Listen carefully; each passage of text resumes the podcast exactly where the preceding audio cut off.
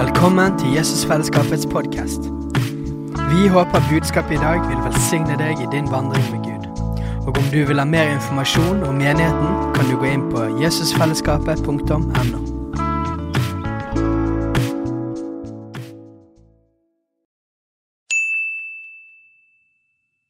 Hei! Visste du at Jesusfellesskapet starter en ny bibelskole til høsten? Den heter Jesusskolen og starter den 3. september. Gå inn på jesusskolen.no for mer informasjon. sånn honnør. Og det er sånn, men eh, det er godt å høre, for det er eh, en bønn i mitt hjerte å få lov å fullføre løpet som Gud har kalt meg til. Og eh, i det løpet bevarer man troen. For skal du løpe i det Gud har kalt deg til, så må du være tett på på pappas hjerte. Og eh, da bevarer du også troen. Så at eh, det å få være et forbilde det, Forbilde er vi alle sammen. Hva du enn tenker om deg sjøl, så er du et forbilde. Og så eh, Min bønn har vært og er og vil forbli få lov å være et forbilde til noe positivt som løfter opp, og som sier at Som Paulus han bruker jo sterke uttrykk. Følg meg som jeg er fulgt Kristus. Det er et veldig sterkt uttrykk. Eh, men det er ønsker, i alle fall å kunne få lov å leve i den strømmen. Og få lov å sette litt mot i de som kommer etter, for de trenger ikke gjøre samme feilen som vi har gjort i vår generasjon. Og jeg tror at kanskje neste generasjon har mer ild og brann enn min generasjon. Og det ber jeg om. Så jeg heier på ungdommen og elsker å være sammen med dem, for de opplever mitt hjerte. Så det er herlig. Og det er en ære å eh, få lov å tale i, eh, i JK. Tok du den?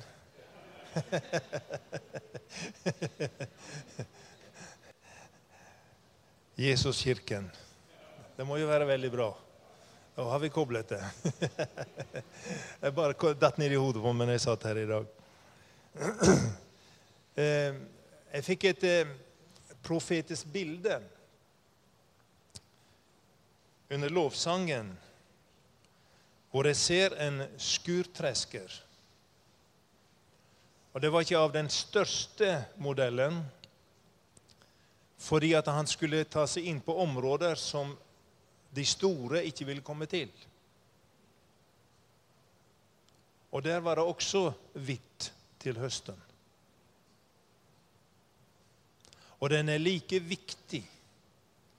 Og så ser jeg og så hører jeg at eh, den skurtreskeren må settes i stand. Den må ha en overhøvling, en, eh, en service, pleie Knivene må være skarpe, for høsten skal inn. Det må funke når man er i gang der ute. Jeg husker som bondegutt, oppvokst på gård, at før man startet, så var far i gang med all redskapen og så til at både slåmaskiner og ljå og alt var på stell. For når vi var der ute, så hadde ikke vi tid til å holde på med det der. Det var jo et heft. Og sånn er overført betydning. Så tror jeg at det er Guds ånd vil serve oss. Og at det stikker dypere enn bare et munnhell, men det blir et dypt, dypt liv med Gud. Salvelse, det er Den hellige ånd. Og eh, jeg tror at Herren vil bare dusje, ikke bare dusje følelseslivet vårt, men han vil ha oss ned i en dypere relasjon. Amen. For det er i denne dype relasjonen at vi blir trygge og ikke blåser så lett over ende. Og ikke kompromisser, som vi hørte så bra Steinar nevne her. Ola Nordmann trenger å lære seg den dype relasjonen. Og nå, det, nå sier jeg ikke at vi ikke det, det er mange som gjør det. Men det er også, vi er i en utrolig brytning i landet vårt. Og eh, skal man være populistisk, så kompromisser man. For vi skal liksom bli lik verden for å vinne verden. Men Bibelen sier jo faktisk det tvert motsatte. Det er de som skal følge oss. Det er ikke vi som skal følge de. Er ikke det sånn? Amen. Så fikk jeg et eh, Det, det kjente jeg Helligånd minner minne meg på, og starte litt Jeg så en person. Du hadde en slags en jakke, beige farge, opplevde jeg. Men heng deg ikke opp i fargen nå, for all del. Det er ikke det som er viktig her. Du gikk på gaten. Jeg vet ikke om det var på Torvaldmenningen eller rundt det området. Og du gikk der undrende. Og du undret deg over hvor er du, Gud, egentlig? Hvor er du, Gud? Det virket så fjernt.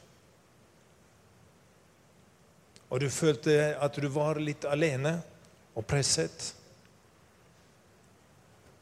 Og så opplever jeg å se rett bak deg, der gikk Jesus. Og så kommer et poeng. At Herren Hellige Ånd sier nå er tiden for at du begynner å følge Han, istedenfor at Han skal følge etter deg. Amen. Du er i et skifte. Han hørte deg, han så deg, han var med deg. Nå er han hyrde og vil gå foran, og du skal følge ham. Hvem som helst får ta det der. Jeg vet ikke hvem det er til, og jeg har ikke noe med. Jeg er bare postbudet.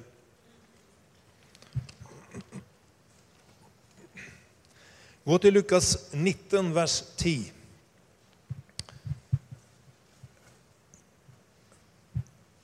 Halleluja.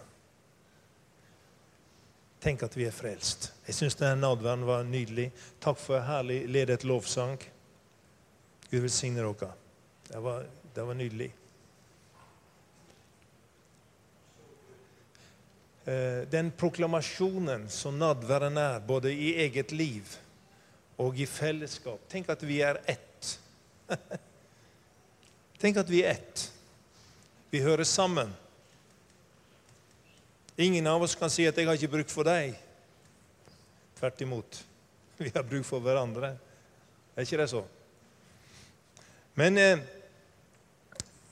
jeg kommer til å tale litt om dette å ha et hengitt og sensitivt hjerte, eller et liv med Den hellige ånd. Og eh, fokusen for Den hellige ånd er aldri løsreven fra den himmelske fokusen, det Gud selv har. Og vi leser om at så høyt har Gud elsket verden at han gav sin sønn. Og sønnen, han steg ned og gjorde det han skulle gjøre. Den hellige ånd, tredje person i guddommen, er koblet på akkurat samme tanke, liv og utførelse. Amen. Og så leser vi hva Jesus uttaler her. For menneskesønnen er kommet for å søke og frelse det som var fortapt. Det er fokusen for Den hellige ånd. Det er ikke bare at du og jeg skal ha et salig møte og kose oss. og Vi kjenner liksom Oi, det er nesten frysning på ryggen og hele pakka. liksom det der. Men fokusen for Den hellige ånds kraft er for at vi skal vinne mennesker for himmelen. Salvelsens betydning er at vi skal vinne mennesker for Jesus. Og gjøre et, et avtrykk av himmelen på denne jorden. Bety en forskjell for våre medmennesker. Det er hensikten noe. Og vi kunne ha sagt mye mer om det. Men det er så utrolig viktig for oss å forstå at vi kan ikke løsrive Den hellige ånds salvelse og Helligåndens liv og vilje ifra det Faderen står for, og det Sønnen står for. Amen. Og eh, vi leser jo om Jesus at han søkte mennesker. Og han var mye sammen med folk utenfor. Og det var det som irriterte de skriftlærde og de fariseerne. Det irriterte de så til de grader at han menget seg med dem som de stemplet var urene og skulle ikke søke kontakt med og være sammen med. Der var Jesus. Mm. Jeg husker for mange år siden jeg var eh, på, eh, på Stranda på Sunnmøre og hadde teltmøter sammen med Cowboytvillingene. Jeg vet ikke om det var Svein og eh, hva den andre heter. Det var to stykker. Og Vi hadde torgmøte, vet du, og vi sang og spilte og vitnet. Og, og der står det en kvinne og lyttet. Og Så kom hun og, ja, og, og søkte kontakt med oss når vi var ferdige, og spurte om vi kunne komme på hjemmebesøk. Og det var jo greit, det. Så jeg fortalte forstanderen der oppe den gangen om hva som hadde skjedd, og at vi var invitert. Og sa du må aldri gå dit. Ja, hvorfor det? undret jeg. Nei, det var sånn og sånn og sånn. Jeg skal ikke utmale det hva han sa. Men det som kom opp i mitt hjerte umiddelbart, var denne De ønsker å vinne stranda for Jesus. Samtidig vi må ingenlunde gå fornærmt de urene. Hvordan skal det her gå i hop? så jeg tok med meg Svein, og så reiste vi på hjemmebesøk. Og legg merke til Den hellige ånd er med på hjemmebesøk, og Den hellige ånd søker enkeltindivider. Mm. Og eh, når vi kom inn der, så lå det en svær, feit rotte oppå TV-en og freste mot oss. Så hun sa, 'Vær forsiktig med henne der'. Det var veldig ekkelt. Det var demonisk å komme inn. Men hør her. Lyset er alltid sterkere enn mørket. Amen. Og når jeg kom inn, så fikk jeg kunnskapsord umiddelbart. Så eh, vi samtalte litt sånn her med henne, den jenta, og så ønsket hun eh, forbønn. Så sier jeg til henne Si meg, hvor har du gjemt alle brukerutstyret som du bruker for å nyte narkotika? Hvor har du gjemt det hen? Hvor er stoffet henne? Og hun ble så perfekt. Hva skal jeg si Paff. Hvordan vet du det her, sa hun. Jeg vet ingenting, men Gud vet alt sammen, seg. Og han informerer meg om at du har gjemt unna for å ha et annet bilde av deg selv overfor oss. Hvor har du det? For Gud vil til hjertet ditt. Han vil ikke ha overflatebehandling, så det var bare et lite trivelig hjemmebesøk av to herremenn. Nei, nei. Og For å gjøre historien eh, kort Vi fikk be med henne. Hun eh, var jo med på møtene videre. Og Hvordan det har gått med henne seinere, vet jeg ikke. Men det er én ting jeg ønsker å si til deg. Den hellige ånd vil hjelpe deg til å møte hjertene, så de får et valg til å vende om. Om ikke de vender om, er Legg merke til Jesus. Han, han bare gikk. Vil de ikke omvende seg, så kan du ikke du tvinge dem. Det er et valg den enkelte må ta. Amen. Så det, det å være sensitiv for Den hellige ånd stiller ofte mennesker på valg. For du kommer med de rette spørsmålene. Jeg lærte det her på coachingskolen. Det å komme med de rette spørsmålene som hjelper folk fremover i en prosess. Og eh, Det kan godt være at eh, dette møtet der på stranda for denne kvinnen var et nettopp et sånt møte som Gud brukte seinere. Det kjenner jeg ikke til. Men det er viktig at du og jeg er sensitiv for Den hellige ånd. Mm.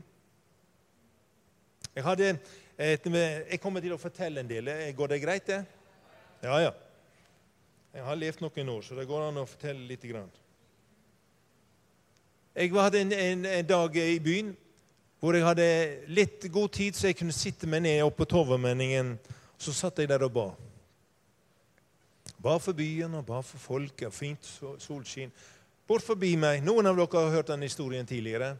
Eh, bort forbi så satt en mann han hadde kjøpt seg en ny balkong, et sånt der flagg, balkongflagg. Han hadde litt som han drakk, eh, som gjorde at han ikke var helt så klar Men eh, han var klar nok til å forstå hvordan han var. og Han satt der og pratet, og så kjente jeg en hellig ånd sa be for han. Så jeg begynte å be for han, og velsignet han i Jesu navn. Vet du hva? Når vi sier 'Kom, Hellige Ånd', da stikker han. Nei. han kommer.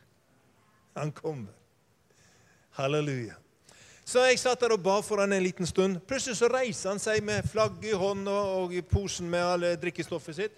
Og så gikk han en runde ut på eh, sovermeningene, så kom han beint inn, og så satte han seg ved siden av meg. Det var en artig opplevelse. Og så begynte vi å prate, og han hadde et nytt brannskjerf han hadde virkelig stæsja seg til. Og så sier jeg at eh, det var veldig flott flagg du hadde. Ja, du vet, det er brannkamp i dag, sa han. Å ja, jeg var ikke helt orientert. Men jeg spilte jo sånn at jeg var ganske så bra orientert. Jeg kunne ikke få den debatten om brann. Det var ikke det jeg var der for. Så jeg sier at det var flott. Brann, heia Brann osv. Men nok om det. Du ser det flagget her, sier jeg. Du ser den blå fargen, det hvite og det røde. Ja, det er flott flagg. Jeg måtte kjøpe nytt i dag, sa han. Ja, men hør her, sier jeg. Det norske flagget med korset. Korset symboliserer hva Jesus gjorde for deg og meg på Golgata. Ja. Rødfargen det forteller om Jesu dyrebare blod som rant for deg på Golgata kors. Mannen ble jo helt paff. Og ser du denne hvite fargen seg? Det er hva som skjer når Jesu blod har renset oss. Da blir vi ren og rettferdig, himmelen verdig. Og enda mer forundret ble han. Og så ser du den blåfargen seg. Det er himmelen, det er kongens farge. Da blir vi barn av den levende Gud, kongenes konge. Han fikk hele greia. Vet du hva han gjorde? Tårene bare begynte å renne. Så sier han til meg, det var ingen tilfeldighet at jeg møtte deg i dag, sa han. Så reiste han seg, tok flagget og gikk hjem. Av og til så, hør her, av og til så er vi bare en sving innom et menneskes liv. Men det er så utrolig viktig at du sier det du skal si, ledet av Ånden, når du er innom det mennesket. At ikke du prater om vær og vind og kursen på børsen og hele pakka, men du holder deg til evangeliet. For det er det mennesker trenger. Og iblant så treffer du også på steinansikter, lukkede dører. Vet du hva som hjelper meg? Det lærte jeg ganske tidlig som kristen. Det er at jeg taler aldri til ansikter. Jeg taler til deres ånd. Og deres ånd er gitt fra Gud. Og jeg har, er ledet, en er åpen for det åndelige, og vi må tale der inn. Så det er åpent for. Amen så la deg aldri fascinere av de ytre fasadene og alle de unødige ordene som kan komme. Tal til deres ånd. For det treffer alltid blink. Amen. Jesus fikk jo kritikk. Han var synder og tolleres venn. Ja. Tåler vi den? I vår tid nå så er det merkelapper ute og går. Det er belønning hvis du er grei mot staten og gjør som de sier, og alle disse lovene de prøver nå å sette opp. Så får du belønning. og Vi er på vei inn i noe. Ser du konjunkturen av noe? Men midt i dette skal du og jeg få lov å leve et salvet eh, og et herlig eh, harmonisk liv med Den hellige ånd. Midt i dette er menigheten kalt til å vinne mennesker, helbrede de syke, vekke opp døde, rense spedalske, hva enn Gud måtte lede oss til. Amen. Og midt i alt dette så er det at du og jeg får lov å sette vårt fotavtrykk fra det som er i vårt hjerte, gitt fra himmelen. Amen. Så at vi trenger denne varheten. Så hjerteinnstillingen må, må alltid være dette. Herre, hjelp meg. Herre, gå foran meg. Herre, led meg. Herre, hjelp meg å elske mennesker. Amen. Jeg husker jeg jobba noen år i, i, i Frelsesarmeen Ikke noen år, unnskyld, noen måneder. 15 måneder var det den gangen istedenfor militæret. Så var jeg inne i 15 måneder nede i gata her i Frelsesarmeen. Hvor mange samtaler fikk jeg ikke på nettene med gutta? Da de kom inn på vaktrommet og satt der og gråt og åpnet hjertet sitt. Hør her. Det fins så mange ulykkelige mennesker der ute som skal høstes inn. Det her blir jo for lite. Men man får kjøre flere gudstjenester, brødre. Ja, Fire-fem stykker før søndagen, så går det igjennom. Halleluja. Amen. Og jeg tror at, at JK står foran en herlig tid. Fordi at Den hellige ånd og du merker salvelsen. Jeg merker gleden, jeg merker entusiasmen. Jeg merker salvelsen bare flyter. Amen. Og det er den, er vi tørstige på den, så vil Herren lede oss. Det er å være sensitiv for Den hellige ånd. Så står det i Matteus 9, 38.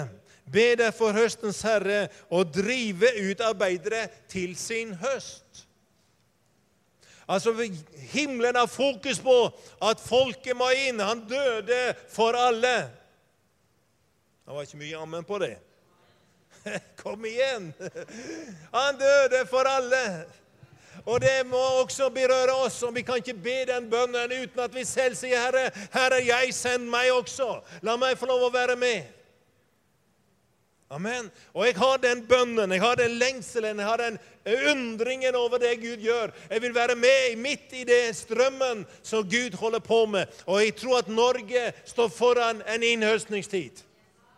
For ellers er ikke det profetiske ordet som har gått ut, sant. Men jeg tror på det profetiske ordet. Bibelen sier vi skal akte på profetordet. Amen. Vi skal akte på profetordet, som også er talt over menigheten her, over evangeliekirken. I sin tid så, så, så talte Gud, og den profetien, den gjelder fremdeles. Jeg hørte den her om, om dagen, og den er knallsterk. Og nå holder Gud på å koble noe, og så forsterker han arbeidet med å høste inn det han skal ha inn i sin låve, inn i himmelen. Amen. Halleluja, hvilken spennende tid vi er med. Det er underbart at vi får lov å leve nå. Så her er jeg, send meg. Det må være hjerteinnstillingen vår. Herre, la meg få lov å være koblet til. Og Jeg ønsker ikke å bli en gammel gubbe, sitte borti en gyngestol og nikke og mimre om gamle dager. Jeg ønsker å være i strømmen. Jeg ønsker å være salvet så lenge jeg lever. Det, da trenger jeg salvelsen. Amen. Og jeg, jeg, jeg, tenker ofte på Reinar Bunke. Jeg holder på å rydde hjemme, jeg skal selge huset. Og, og jeg dro opp noen undervisnings-CD-er og greier av Reinar. Reinar har vært mitt store forbilde på det å ha fokus på massene skal inn. Se, markene er hvite til høsten. Jeg har en, en, en, Det var vel DVD hvor, hvor det, det, var, det, var, et hav av mennesker. Det var, var det den gangen han hadde så utrolig mye folk på et av møtene sine. Og så ser du fra plattformen denne massen, og så har det stått og sett vinden når den slår ned i kornåkeren sine. Bare liksom litt sånne krusninger. Så farer sånn her. Så ser du denne folkemassen. Den hellige ånd bare kom som en vind. For det, det står i Bibelen. Jeg leste det her om dagen. Den hellige ånd er som en vind. Slo ned i det her, og folk bare raste over ende. Så kom han fra andre siden, og så Og det er ikke målet i seg selv at vi skal bli slått over ende. Målet er at vi skal møte Ham. Og Den hellige ånd løfter alltid opp Jesus. ok? Når du skal være sensitiv for Den hellige ånd, så var Jesus det fremfor noen. Han ble trett og sulten, satt seg der ved, ved brønnkanten. Og så kommer det en kvinne, og han kunne sagt ah, enda en, jeg orker ikke flere. Har du vært borti den noensinne? Nei, nå tar jeg ikke den telefonen. Nei, av med den. Jesus så denne kvinnen, og så begynte han å samtale med henne. Han var sensitiv. Her er en menneske som er såret i livet. Har opplevd at livet har ikke vært helt greit. Har opplevd ulike saker når det gjelder ekteskapelige forhold osv. osv. Nederlag på nederlag når det gjelder seksualitet og alt det greiene der. Misbrukt og utnyttet. Så kom hun der med hele denne børa. Eh, på en tidspunkt da andre ikke var ute og gikk, så hun unngikk å møte mennesker. Hør her, Det fins masser av ensomme mennesker i vår by som går og bærer på denne byrden. Hva er meningen med livet? Men Jesus han begynte å samtale med denne kvinnen. Og så løste han opp ene knuten etter den andre. Det er herlig å høre på sånne eh, knepp når knutene går opp. Jeg husker jeg hadde en coachingsamtale på telefonen en gang. Og eh, Den hellige ånd ledet. Så plutselig begynte det å gråte i andre enden. Det var en annen del av landet vedkommende bodde. Og så sier jeg nå tar vi en timeout på coachingen. Her treffer vi på noe som er dypt. Så hadde vi en samtale rundt den biten. Og det er viktig å få sånne ryddepunkter i livet. Sånn at man får plassert tingene for å komme videre. Den hellige ånd er sensitiv og bryr seg om det som rører seg i ditt og mitt hjerte her i formiddag. Der du er på din reise, Der du opplever at det er kanskje et, et hold av, av, av, der fienden på en måte herjer med deg. Husker jeg var på en bibelskole og underviste. Så så jeg at det var noen jenter som hadde blitt utnyttet seksuelt. Så fikk jeg lov å si det, formidle det. Og Det ble jo det etter møtet etter bibelskoletiden, hvor det var høy gråt og smerte som kom frem. Men det er så viktig med disse punktene. Den hellige ånd er sensitiv, og vi skal få lov å være en sånn, sånt hospitale som menighet. Takk skal du ha. Det er ammen til det. La det skje.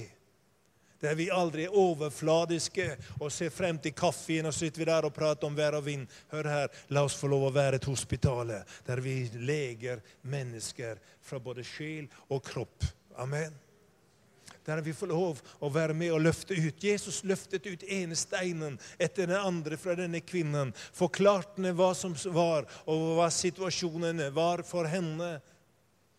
Og Det endte med at hun gikk rakt inn i sitt livs største kall noensinne og vant en hel by og fikk en hel bybevegelse fordi at Jesus hadde møtt henne, og Jesus var ledet av Ånden. For han var et menneske som du og jeg. Og han opererte i kraft av å være et menneske fylt av Den hellige ånd. Amen. Og det her er så viktig for oss å forstå og være villig og overgitt til Den hellige ånd. For en god del år siden når jeg var, var med pastor i menigheten her, så fikk jeg en telefon fra eh, Torvund inne i Sogn. Noen av dere vet kanskje hvor det er. Et stykke inn forbi Lavik.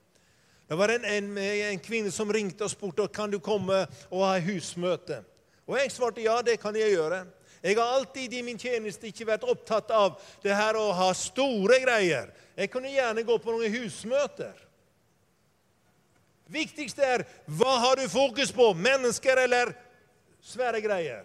Å være plattformløve passer ikke Den hellige ånd. Mm -hmm. Han sitter på bakerste benk kanskje med de som gjerne føler seg minst. Hør hva jeg sier til deg. Så jeg, jeg tok med meg ei av de eldre søstrene i menigheten, og så kjørte vi innover. Og jeg satt og kjørte og ble litt sånn småsur underveis, kan du forstå. Kjørte over Romerheimen, opp dalene mot Romerheim. Og så her er, Jeg har jo drømt om å tale til massen, og så sender du meg til Torven til et lite husmøte. Satt og småsutra. Har du vært borti det? Nei, selvfølgelig ikke. Men jeg var der. og så sier Den hellige ånd noe til meg, og det vil jeg ha i mitt liv resten av min tid på jorden. For det du har gjort av, mot en av mine minste, det har du gjort imot meg. Har ikke du tid til en av de minste, har du heller ikke tid til de store massene. For da er du bare en, en gladiorfigur som kommer inn på plattformen og blir ledet ut av livvaktene nærmest. Hør her. Nå overdriver jeg litt, men du forstår kanskje. Men Gud har ikke, Jesus var ikke der. Mm -mm. Han var synder og tollers venn. Han satt der så andre ikke ville sitte. Han brukte tid der andre ikke hadde tid. Mm. Min mat er å gjøre Hans vilje, som har sendt meg, sa han. Halleluja. Har du noensinne vært opplivet i ditt hjerte når du har gjort Faderens vilje? Ja, jeg har opp, mange, mange ganger opplevd det. Så jeg kjørte til eh, Torvund, hadde omvendt meg, hadde første møte. Mannen til hun her var kreftsyk. Og hun hadde fått tak i to naboer som kom også. Og jeg hadde, hatt en preken som jeg hadde forberedt. Og jeg, og jeg satt der og måtte synge og jeg måtte lede, jeg måtte gjøre absolutt alt. Og jeg satt og ropte inni meg Gud, jeg kan ikke preke den preken som du har gitt meg. Så jeg trodde i hvert fall. Og jeg ropte til Gud i min nød og spilte gitar og sang alt på en gang. Det var helt kaos inni meg. Så sier Den hellige ånd Den hellige ånd kom oss til hjelp. Har du lest det? Og så bytta han ut våre, våre ark. For han ser hva som passer inn. Så sier Den 'Gi ditt vitnesbyrd.' Og jeg landet. Det var bra. Så jeg fortalte mitt vitnesbyrd og eh, talte litt inn i det jeg hadde med meg. Og det var det jeg kunne. Så så- ser jeg på seg bondekonene som bodde litt lenger ute. Jeg kjørte dem med etterpå. Tårene begynte å rinne. Men det var ikke tid for å presse dem til nå ber vi frelsesbønnen, så kan jeg krysse av to frelst. Nei, Gud er ikke opptatt med at du skal ha noe i kryss i margen din. Blir de virkelig født på ny? Det er spørsmålet. Er de ikke først eh, født på ny, men har bedt en frelsesbønn som de overhodet ikke var med på, men de gjorde for høflighetens skyld, så er de like langt. De går fortapt. Så jeg, jeg brukte tid med mannen, for han var syk. Drakk kaffe og spiste litt. grann. Så spurte jeg han hvordan er det å være bonde på gården her. Hvordan har det vært? Jeg begynte ikke på Johannes 3, 16. Han var ikke klar for det. Jeg begynte å spørre etter hvordan det var å være bonde. Og han åpnet sitt hjerte. Vi fikk en fantastisk relasjon der med bordet. Gikk en tid, for å gjøre det her litt kort, så var jeg inne igjen. Hun ringte igjen, hun Martha. Hun var inne, eh, virkelig på og ville ha mannen frelst. Jeg var inne igjen, men den da, samme dagen, før jeg rakk å komme inn, så ble han henta til Førde, på sykehuset. Han var så syk. Så da var det bare meg og Martha. Vi ba til Gud, delte ordet, drakk kaffe, og jeg kjørte hjem til Bergen. Det var det hele den turen. Så ringte hun igjen. Og for de som er fra evangeliekirken her, så kjenner dere Åse. Og jeg tok Åse med meg, og så reiste vi inn igjen. Første gang var det Helene som var med, for de som er ekofolk EK-folk her. Og eh, denne gangen var det Åse. Og Hun hadde to ting den dagen. Vi skulle inn på Toven, og så hadde hun en ut forbi Lavik vi skulle besøke også. Unnskyld at jeg drøyer litt her med denne historien. Men jeg kjørte inn, og så satt vi. Da var det duket. Martha hadde dekket opp. Så vi satt i, stua og, og, og spiste litt, og mannen lå i tilstøtende rom der. Og så roper jeg inn til han, 'Hør hva vi snakker om.' 'Hører alt', sånn. Ok, Så sier Den hellige ånd, hør her. Så sier Den hellige ånd, 'Den hellige ånd er min hjelper og er din hjelper'. Den hellige ånd vet hva som må skje. Så Den hellige ånd sa du skal synge den sangen, den sangen og den sangen. Det var tre sanger. Jeg setter i gang med gitaren og sang. Så reiser Åse seg, og så går hun gråtende inn og samtaler med mannen. Og Så går døren opp igjen om en liten stund, og sier hun Atle, kom inn, han vil bli frelst. Og så er det, det var det, noe av det sterkeste jeg har vært med på. Bøy mine kne med denne eh, kreftsyke mannen og be fra en frelsesbønn. Og så kommer Martha inn og ser at denne syke mannen, som hun hadde bedt for langt over 40 år har hun trofast bedt for sin mann dag etter dag. Hun har vært alene kristen i bygda, hadde ingen menighet, ingen fellesskap. Hun satt der med sitt orgel og sang og spilte. Mannen hørte på, og nå fikk hun se at det var høst på hennes såarbeid. Halleluja! Det du gjør for en av hans minste. Jeg skal ikke at Martha var hun var en helt. Hun var en troskvinne. Men hun fikk se sin mann frelst. Amen. Og Samme dag kjørte vi videre ut forbi Lavik og besøkte et eldre par hvor Åse hadde vært i kontakt med denne mannen. Og han tvilte så på frelsen. Har du vært borti det noensinne? Han satt der på sengekanten. Jeg sang og spilte igjen. og så heter Den hellige ånd, gi meg et syn. Hørte du hva jeg sa til deg? Den hellige ånd hjelper oss, og du er avhengig av Den hellige ånds ledelse. På samme måte som Jesus sa du har hatt fem menn, og den du har, er heller ikke din. Amen. Så ser jeg denne gamle mannen står og hogger ved oppi lia. Så legger han øksen ifra seg, og så ber han til Gud. Det bildet fikk jeg. Og så sier jeg, si meg én ting. Jeg satte meg på sengekanten ved siden av ham. Si meg en ting. Var det så at du var oppi lia her og hogde ved en gang? Og du la ifra deg øksen, og du ba til Gud. Og han bare knakk i hop og begynte å hulkegråte. Og da gikk frelsens trygghet inn, for han forsto Gud hadde hørt hans bønn den gangen. Han var Guds barn. Gud brydde seg om ham. Sånn kan Den hellige ånd lede oss. Amen. Den hellige ånd er sensitiv for folks behov, og ikke bare de kristne. Hører hva jeg sier til deg? Den hellige ånd bryr seg om alle mennesker, for det gjør Gud. For så høyt har Gud elsket verden, så høyt elsker Den hellige ånd verden, at han bruker deg og meg til å nå dem. Er ikke det så? Halleluja. Hvor lenge har jeg gått på? Ja, OK. Det får si stopp. Vi leser i apostelgjerningene i det åttende kapitlet om en mann ved navnet Philip. Han sto i stor vekkelse i Samaria. Masse skjedde, sterke ting hendte, helbredelse, tegn under. Kan du tenke deg, Det er jo der vi vil være som kristne. er ikke det det? I et sånt miljø trives vi. Vi vil jo aldri gå derifra.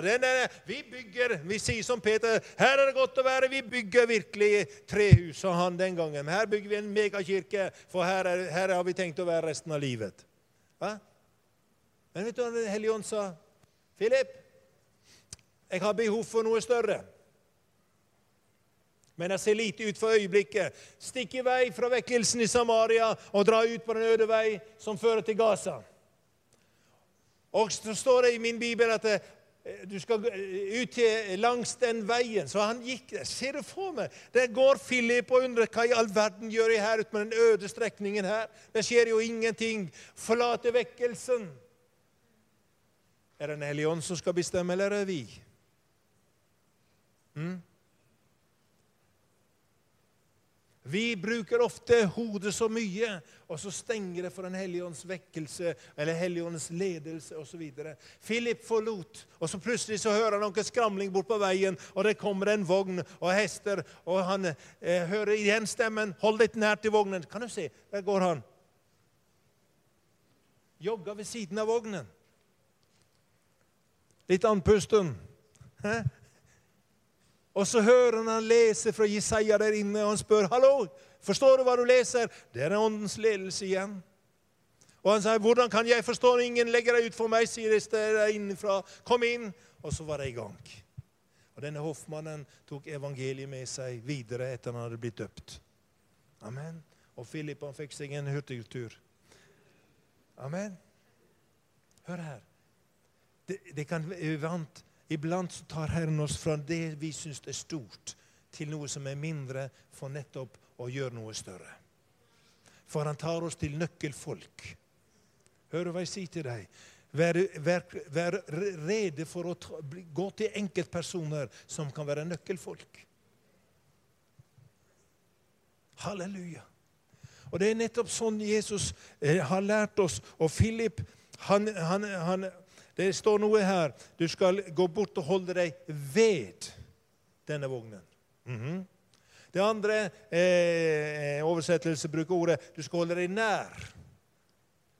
Og den siste oversettelse bare toucher litt en svensk. Hold deg inntil. Altså ikke stå på avstand og betrakt og misse tilfellet.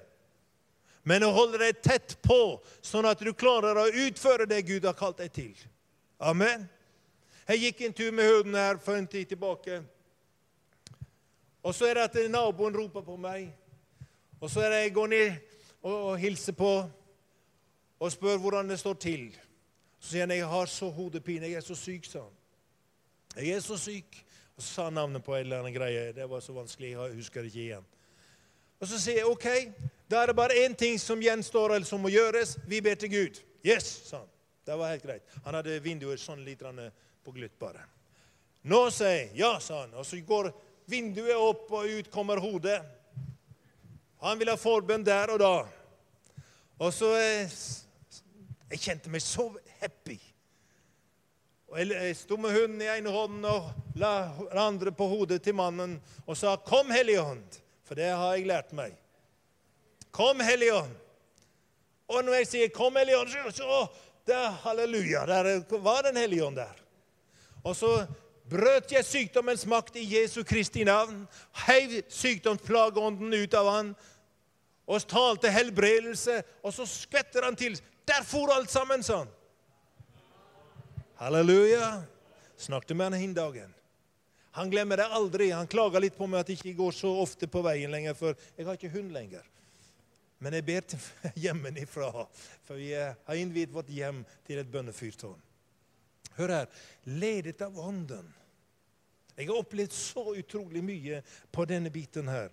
Så at det, det er viktig da at du og jeg er sensitive og lærer oss sensitivitet. Sist vi, vi var i Burundi Nei, forrige gangen vi var i Burundi. Unnskyld. Så skulle vi eh, bli hentet av eh, og skulle ha seminar. Så vi satt nede i foajeen og venta på, på transport. Så kommer en afrikaner inn i resepsjonen, og så setter han seg ved siden av meg. Og Umiddelbart fikk jeg sånn smerte i, i nakken. Og tenkte oi, høy, her er et eller annet. Så jeg spurte unnskyld, det skulle ikke være så at du har plages med smerte i nakken. Hvordan vet du det? sa han. Jo, ja, jeg, jeg, er en kristen. Jeg har Guds ånd i mitt hjerte. Og Hellig ånd minner meg på det. Det er helt riktig, sa han.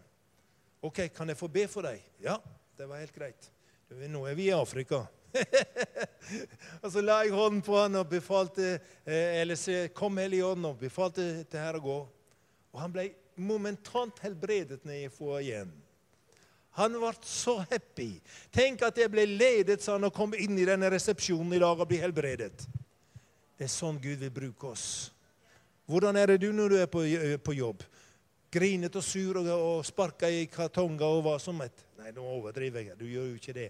Men du forstår meg, vi er mange ganger ikke våken for ånden i hverdagen vår. Vi forbinder det til kirkebygget på søndag formiddag, sånn som så her. Da kan ånden komme. Men vet du hva? Du og jeg er et tempel for Den hellige ånd. Og der du og jeg er, der er Guds rike. Og der Guds rike er, vil den utøve sin autoritet og sin herlighet og sin kjærlighet til mennesker som behøver det. Og i det spennet står du og jeg mellom behovet og himmelen, og vi kan få serve mennesker i Jesu navn. Amen. Halleluja! Det er så herlig å få lov å være drevet av Ånden, fylt av Ånden, nidkjær for Jesus, men ikke uviselig mot mennesker utenfor. Nei. Husker tidlig i morgen på fabrikken oppe i Kristiansund. Jeg jobbet der. Så kom det en av de ansatte, og han var veldig sånn nedstemt. Og Jeg spurte hvordan står det til i dag. Hvor, hva, hva er galt?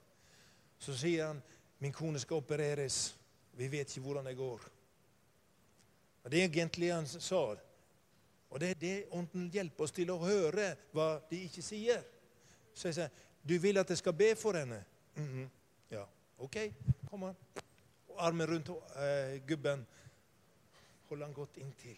Gjett om de merker Guds kjærlighet gjennom deg og meg. La oss aldri være overfladiske eh, mot mennesker. La oss gå ned og være sammen med dem. La oss være en av dem som Jesus var. Sitte der og ta vår cola når de drikker sin pils, eller hva det måtte nå være. Sitte der og være sammen med dem. Mm? Halleluja. Vet du hva? Denne mannen opplevde at kona det gikk bra med operasjonen, og han var så lykkelig neste dag. Så han sa, 'Kan du komme hjem til oss? Vi sliter sånn i ekteskapet.' Ja, jeg skal komme hjem når dere er klar. Og var hjemme der et par ganger og hadde dype samtaler med dem. Halleluja. Den hellige ånds gave kan lede oss inn i situasjoner og hjelpe hjem og hjelpe mennesker på vei til himmelen. Jesus han kom for at eh, verden skulle bli frelst ved ham. Og nå er ikke Jesus her. Du og jeg er hans kropp, som vi har feiret i dag. Jesus han vil bruke din og min munn, din og min kropp. Pastor Edmund i Burundi, oppe i fjellene der, hadde en herlig menighet. Og så var det en heks som kastet forbannelse på en av hans naboer, og han døde, denne naboen. Så går denne pastor Edmund inn til enken. Mye styr og folk der, men han gikk inn. 'Kan jeg få lov å be for mannen din?' Ja, det var greit. Han er jo død, så det, du må bare be. Og begynte, han begynte å be. Men de begynte å le etter hvert, og det vært mye styr. Så han spør Edmund, en sånn fin mann. Jeg elsker disse afrikanske brødrene mine. Har mye kontakt med dem. De har lært meg så uendelig mye. Så sier denne her Edmund, kan jeg få lov å ta denne mannen med i kirka? Og fortsette å be for ham. Ja, det var greit. Så ser for deg det var liksom ikke en, en drosje som kom og hentet eller et eller annet. Jeg vet ikke hvordan han fikk det, men om det var på sykkel eller Jeg, jeg aner ikke, opp i trillebåret eller et eller annet. Men i alle fall, han fikk han til kirka. La han der på gulvet, og så fortsatte han å be. Og han ba i fire timer. Jeg vet ikke hvor lenge du og jeg hadde eh, holdt på. Jeg har testet meg sjøl litt på det. Hvor lenge, Atle, hadde du våget å stå til tro? Men Edmund gav seg ikke. Hvorfor? Jo, for han hadde sett to brødre fra Norge som har bedt for masse syke, så han så ble helbredet. Så hans tro vokste. Vi hadde jo ikke vekket opp noen døde, men det gav han seg i vei med. Det var så en annen afrikansk bror jeg hørte om. Han, eh, han ble jo frelst, denne her. Og så Dagen etterpå så sykla han til pastorens kontor og spurte du, jeg har lest i Bibelen at Jesus vekket opp døde. Kan jeg gjøre det? Og pastoren begynte jo å svette nesten. Hva skal jeg si nå? Men det står jo at vi skal gjøre hans gjerninger. Så han sa OK, du kan gjøre hans gjerninger. OK, takk skal du ha, sa han. Jeg leste det her. Det er sant. Heiv seg på sykkelen, så sykla han langs hovedgata og ropte 'Er det noen døde her?' Den dagen tror jeg han vekte opp to døde, eller hva det var for noen ting. Nyfrelst. Det går ikke på teologi, skjønner du. Det går på power ved Den hellige ånd. Edmund ba i fire timer. Så ser han plutselig ene fingeren begynte å bevege seg. Han ble kjempeoppmuntret. Og han bare begynte å prise Herren. For Gud var i ferd med å gjøre et mirakel, og så plutselig så reiser denne mannen seg opp. Og så han, får han, tar han med seg hjem igjen til kona. Amen. Du skjønner, Den hellige ånds ledelse, Den hellige ånds sensitivitet, skal leve i vårt hjerte, for vi skal gjøre hans gjerninger i Bergen. Vi skal være hans skurtresker. Er du med nå? Ja, dette får de andre ta seg av. Den og den. Så ligger vi og, sånn og adresserer kanskje når vi hører et sånt budskap som i dag. Hør her, ta det inn over deg. Gud har kalt deg. Du er god nok, bror. Når jeg kom i dag og så deg, så opplevde Den hellige ånd sier du er dyrebar. Du er dyrebar. Bror, du er dyrebar.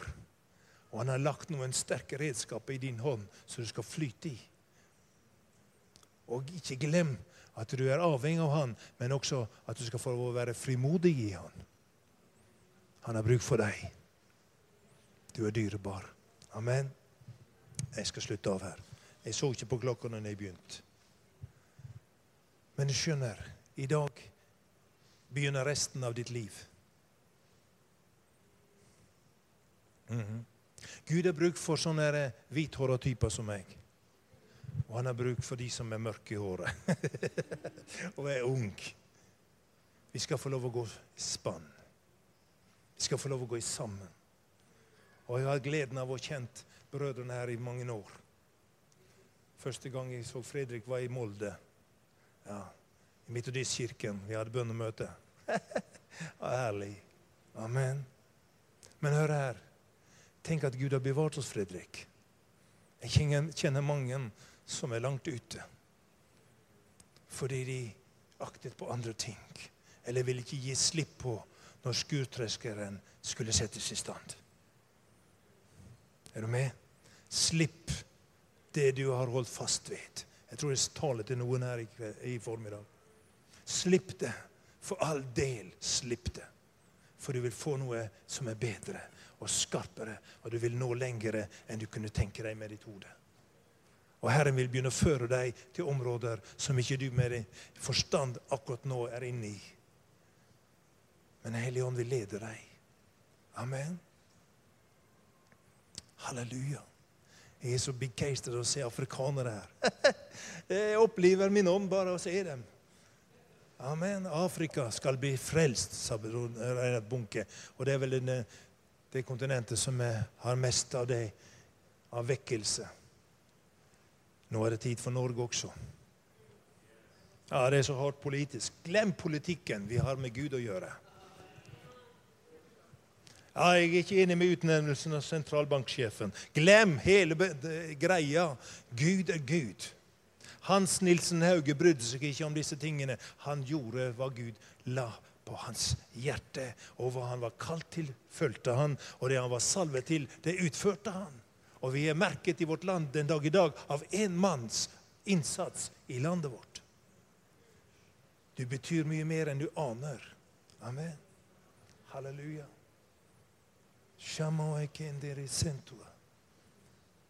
Så Gud har bruk for deg. Det er tid for å bare si, 'Helligånd, kom. Rusk tak i livet mitt.' Det er tid for å si, 'Kom, Helligånd, og rens opp her inne.' For vet du, Den hellige ånd er ikke bare liksom den gode følelsen. Det er ild. Det var ildtunger over dem der på øvre salen. Jeg har smakt åndens ild i mitt liv. Og den kan være smertefull, nesten. Men den er nødvendig å få, bort alt skrap. Og vi er alle i en prosess. Husk hva jeg sier nå. Vi er alle underveis. Vi snakker ikke om at vi må være sånn og sånn før Ånden begynner. Nei, Ånden var jo med fra dag én. Hallo! Så når Ånden er med i prosessen for å slipe, hjelpe oss og istandsette oss, så Gud velsigne deg. Vil du ha mer av ånden? Mer sensitivitet for ånden. Nå var det like før eh, Fredrik kasta meg ned. Men eh, jeg må bare få lov å be for deg. Eh, skal vi ta ettermøte etterpå? Nei, vi går på. Hvis du kjenner dette Gud, la din ild berøre meg. Gjør meg mer sensitiv for din stemme. Og ikke minst, ikke bare sensitiv. Jeg har stadig en bønn. Gud gjør meg også lydig og kraft til å være lydig når du viser meg noe. For det står like mye der. Hvor mange ganger har ikke vi sviktet? Fordi vi var ikke lydige. Men ånden er her.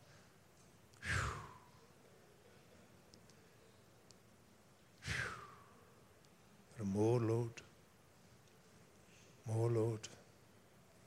More, Lord. Han svarer, Vegard. Han svarer, oljekruset er over deg. Kom, Holy Spirit. Kom, Holy Spirit. Loine med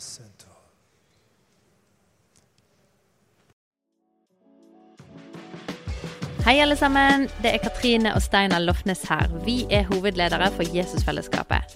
Så kjekt du har lyttet til denne podkasten. Har du forresten hørt noen av de andre podkastene våre? Ukens tale, Disippelskolen, Hyrdepodden, Kulturkrigen og Mammas hjerte. Du finner disse podkastene på Spotify, Apple Podkaster og på nettsiden vår jesusfellesskapet.no.